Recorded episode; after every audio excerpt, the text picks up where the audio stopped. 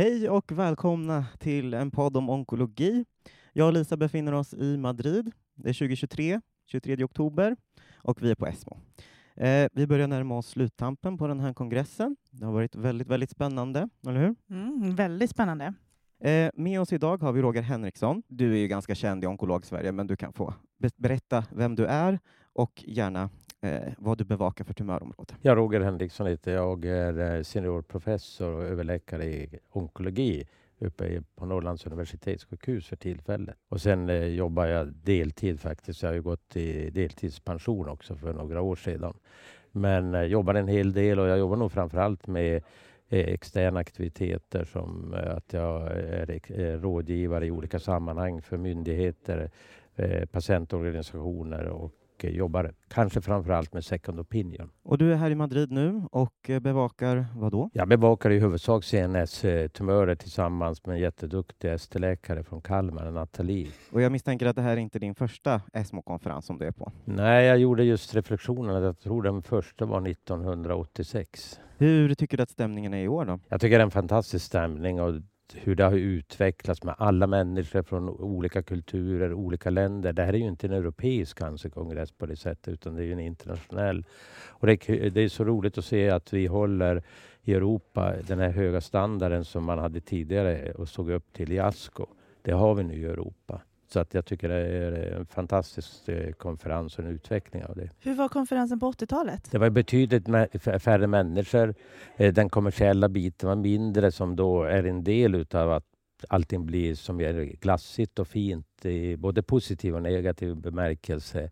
Eh, och det var ju ett mindre antal människor. Man hade mycket mer interaktioner mellan individer eh, än vad man kanske har nu. För nu är det ju så stort allting. Det är massor med parallella sektioner som vi inte hade på den tiden. Och om vi går till eh, det här tumörområdet, CNS-tumörer. Kan du inte reta oss lite grann med vad, vad, vad har det pratats om under dagarna som du har varit här? Det är precis som för så många andra tumörformer att det är precisionsmedicin i olika aspekter som kommer fram och som nog är förmodligen det som är det viktiga tillsammans med immunterapin som, eh, som kommer att kunna göra så att vi når signifikanta förbättringar. Det har rört sig om de områdena som Även som när jag varit på andra sessioner så är det ungefär samma koncept som kommer fram. Är det någonting som har överraskat? Någonting som du har tagit del av som du inte hade förväntat Eller kanske något du hade förväntat dig som inte blev som du hade tänkt? Ja, egentligen inte. Det finns ju, det finns ju en studie som har möjlighet att göra så att man ändrar rutinbehandlingen.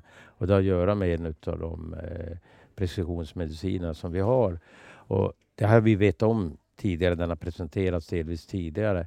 Men det som överraskade mig och det är ju att eh, den studien riskerar att inte bli så bra som man hade hoppats på genom att man har en studiedesign som gör att man har en crossover just i den här patientgruppen och då kommer det ju vara omöjligt att svara på överlevnaden eller med större svårigheter att kunna svara på den viktigaste parametern överlevnad när man har tillåtit crossover så pass tidigt som man har gjort i den studien. Det var nog en liten överraskning för mig som jag inte hade tänkt på när jag såg de tidigare resultaten från studien. Men här har du faktiskt en, eh, ändå en möjlighet att du kanske har hittat för en liten subgrupp av glioblastompatienter, eller de som vi pratar om, riktigt högmaligna tumörer. Sen, eh, sen är det ju också, fanns det andra föredrag som just handlar om de här biomarkörer som man verkligen har läkemedel till idag. Till exempel BRAF-hämmare, eh, FGFR-hämmare och där det verkar precis som för andra tumörformer att just de subgrupperna, och det är ju väldigt små, det rör sig om en procent och kanske mindre av glioblastompatienterna som har de här uttrycken.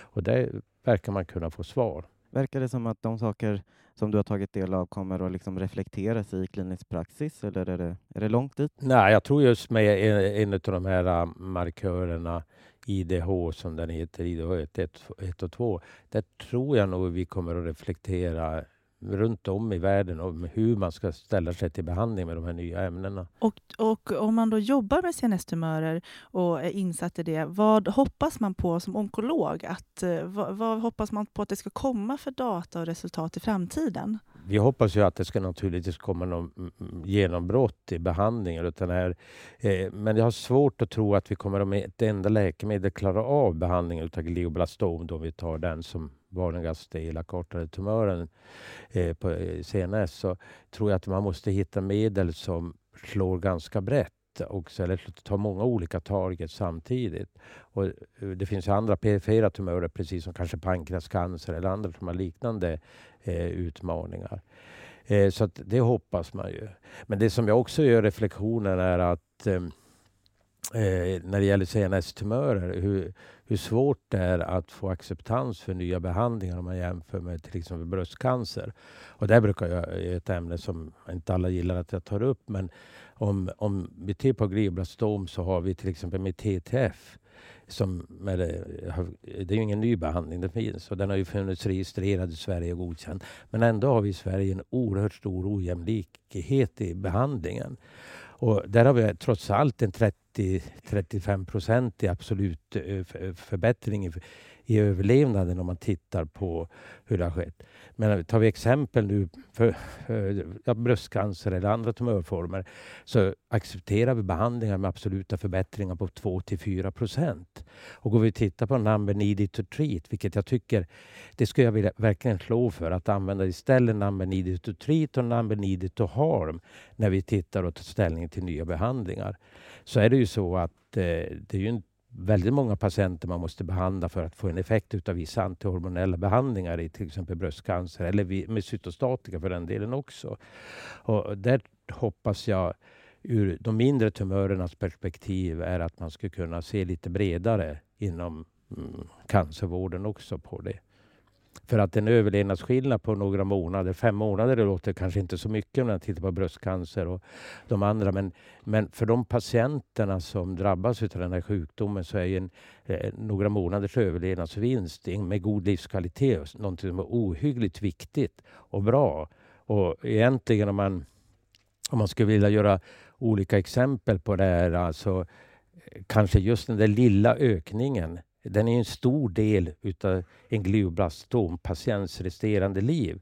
Och det kanske betyder så ohyggligt mycket mer än om man förlänger livet med eh, några månader för en annan patientgrupp. Är det någonting särskilt som du tycker under den här konferensen har varit vad man kan kalla en snackis, som du har hört en del om mellan sessioner eller som du har tagit del av som inte nödvändigtvis behöver vara hjärntumörområdet, men generellt så? Ja, men det är olika typer av precisionsmedicin och hur man ska göra kliniska studier och eh, hur man designar de kliniska studierna eh, så att de ger ett optimalt svar. Det, har, det tycker jag har varit rätt mycket, eh, mycket prat om faktiskt. Och eh, det är ju gemensamt egentligen för alla tumörformer att hur ska vi designa de här studierna med precisionsmedicin.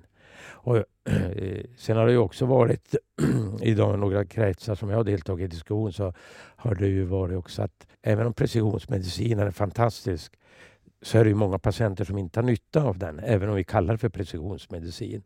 Och hur ska vi göra med, med de patienterna som inte är stor, så stor nytta? Det är egentligen den stora bulken av patienterna som inte får nytta av sådana här enskilda precisionsmediciner. Och det måste vi också titta på och ta den utmaningen. Och så slutligen Roger, du har ju varit på ESMO ett antal gånger då och det är ju någonting som tar dig tillbaka. Kan du berätta lite, vad, vad, tycker du är det bästa med att vara här på plats? Jag tycker ju att det med eh, pandemin och det med alla de här mötena på internet är ju fantastiskt. Jag, jag gillar det. Jag klarar av att ha, jag har mycket second opinion-patienter på, på det, så det är någonting som jag ser väldigt bra och som kan också möjliggöra att mm, för, från den här typen av kongress, att många mer får tillgång till det som kommer fram. Så det är bra. Men man kan inte undgå att komma ifrån att just mötet och Eh, för mig, jag har träffat många av gamla kollegorna som vi har gått här i decennier nu och på mötena och man träffar eh, gamla vänner och diskuterar och sånt där. Och det är faktiskt någonting som är ohyggligt bra. Och sen kan man inte komma ifrån att den interaktionen, interaktionen med även yngre kollegor när man träffar på möte eh, och ser varandra och träffar och pratar. Det är ju, det är ju väldigt värdefullt en, om man jämför med att sitta hemma på kammaren och titta. Samtidigt så är det någonting som jag också gjorde en reflektion över nu får vi diskutera. Men här kommer vi, vi har äter god mat, vi träffar trevliga människor alltihopa. Vad kommer det här att ha för betydelse i framtiden? När vi tittar på vad som händer i världen i stort. Vi har Ukraina, vi har Israel, vi har alla terrordåd, vi har allt annat. Kommer vi och den yngre generationen att kunna uppleva allt det här på samma sätt som jag hoppas att de ska kunna göra? Det är någonting vi måste också reflektera över allt annat som händer här utanför. Ja, det får vi verkligen göra. Vi får hoppas. Tack så hjärtligt. Um, vi vet också, eftersom du är med i Post-ESMO-konceptet, att uh, under symposiet så den ST-läkare du handleder kommer att presentera i detalj en del data kring CNS-tumörer, så då får man stay tuned inför det i november. Tack Roger. Tack, Tack så jättemycket Tack. Roger. Tack. Vi gästas nu av Ellen Backlund. Ellen, du kan väl presentera dig och berätta vad du bevakar för något det här året? Ja, absolut. Ellen Backlund heter jag, jag är ST-läkare på Karolinska tema cancer, eh, också doktorand på KI där jag fokuserar på melanom och strålbehandling. Och så är tanken att jag ska bevaka melanom och presentera på post-ESMO. Melanom, hur, hur mycket har du fått ta del av under dagarna som har varit hittills? Vi har ju fortfarande en del kvar av själva konferensen. Ja, exakt. Nej, men det har varit jättespännande dagar. Eh, det har inte varit någon presidential, kommer inte vara heller. Eh, imorgon är de här stora huvudsakliga studierna som kommer presenteras. Men det har varit väldigt, ändå väldigt spännande diskussioner och väldigt kul för mig som ST-läkare att liksom eh, gå igenom allt från neadjuvant till adjuvant och gå igenom fördelar och nackdelar och vad som eh, olika framstående personer har fått eh, företräda både för för och emot eh, olika behandlingsstrategier i olika stadier. Då. Ja, just det. Är det där diskussionen befinner sig? Är det vad du tänker dig att det kommer att pratas om under, under morgondagen? Det är alltid intressant att höra vad de olika potentiella behandlingsalternativen som eh, är i pipeline. Det kombineras ju hejvilt med BRAF-MEK-hämmar och en annan target eh, som targetterapi, eh, bland annat om man kombinera med CDK4 eller ERK och eh, och sådär för att undvika den här resistensen som BRAF-MEK tyvärr ofta upplever. Då. Och, eh, men det verkar inte vara något som är aktuellt att använda i kliniken än på ett tag, men ändå väldigt inspirerande att se vad framtiden kan erbjuda. Då. Förutom det har det gått ett år sedan förra årets eh, ESMO och det eh, ska bli kul att se de här eh, när det gått ett år till och om datan har ändrats. Då. Många har ju bara PFS-data. kan vi nu kamma fram lite OS-data eller hur, hur ser det ut? Då? Eh, men som sagt, de här största och mest efterlängtade studierna presenteras imorgon bitti. Förra årets snackis då, och då var det den nya adjuvanta approachen och det var inte bara melanom som hade det som största nyheterna. Då. Ja, men precis, det var ju mycket diskussioner om andra diagnoser också, neoadjuvant immunterapi på njurcancer till exempel. Exakt. Och, uh, hur, hur, hur går vindarna? Är folk för eller emot? Ja, men absolut eh, för. Så förra året då var den här fas 2-studien SVOG S1801. Man jämförde neoadjuvant plus adjuvant versus adjuvant pembrolizumab vid stadium 3B till 4C resektabla melanom. Så det var två armar då. Man randomiserade till antingen neoadjuvanta approachen eh, tre kurer Pembro innan operation och därefter adjuvant totalt ett år. Och så jämförde man det med operation och endast adjuvant. Det visade en hazard ratio på 0,58 för de neadjuvanta behandlade patienterna i event-free survival och 21 procent fick också patologisk komplett respons. Och den här publicerades i mars eh, nu 2023 i New England och har redan implementerats i svenska eh, nationella riktlinjerna. Då. Det är ju inte intressant ur många aspekter, inte bara för melanom. Just där, äh, för de skriver så, de avslutar artikeln med att eh, eh, vikten eller rollen med de som har nått patologisk respons att fortsätta med pembrolizumab. Det, det ska de fortsätta att, äh, att studera och jag tror inte det hinner få oss imorgon, men eh, i framtiden. Ja.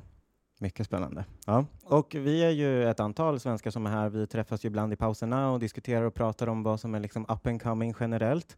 Eh, är det någonting som du har snappat upp som känns som liksom en snackis under ESMO det här året? Är det något som är lite återkommande? Återkommande var, det var ändå ganska vilda diskussioner kring den här adjuvanta eh, rollens eller inte vid stadium både nu eh, två och stadium eh, tre. I dagsläget så i Sverige så rekommenderar man adjuvant terapi vid stadium 3B och högre. Både nivolumab och pem Umbro och berafmec-hämmare kan man då ge. Då. Men eh, nu i USA har det också godkänts för stadium 2. Eh, de som har den där tjocka eh, primära melanomen utan lymfkörtelspridning, alltså stadium 2B eller 2C.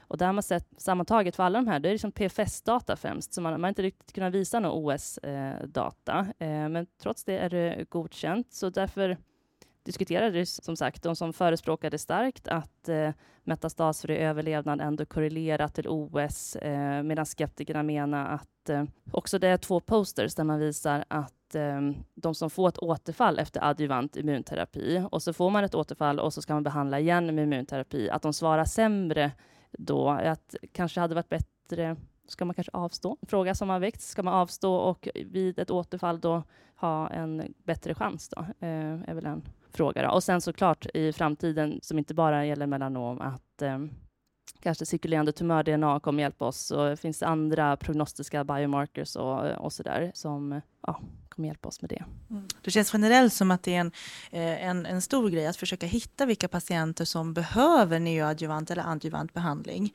Eh, och just ctDNA verkar väldigt hett över många tumörgrupper också. Eh, men det känns som att det är den stora grejen att utreda. Det här med att vara på plats under ESMO eh, och få ta del av allting rent både liksom eh, fysiskt och tillsammans med kollegor och, och diskutera med personer man träffar från andra länder. Vad, vad, tycker du är det bästa med de delarna? Det här är min första internationella kongress, så att säga. Så att, eh, jag slås verkligen, jag är väldigt imponerad av eh, den positiva andan som man kan nästan ta på luften, eh, stämningen tycker jag. Likaså så är det ju också det är väldigt spännande tycker jag att se de här ansiktena bakom de stora namnen i eh, studierna som man har läst eh, och i vad det går jag såg mannen bakom Hallmarks of Cancer och, och så där. Då blir man lite star, starstruck. Ja, det är faktiskt väldigt häftigt.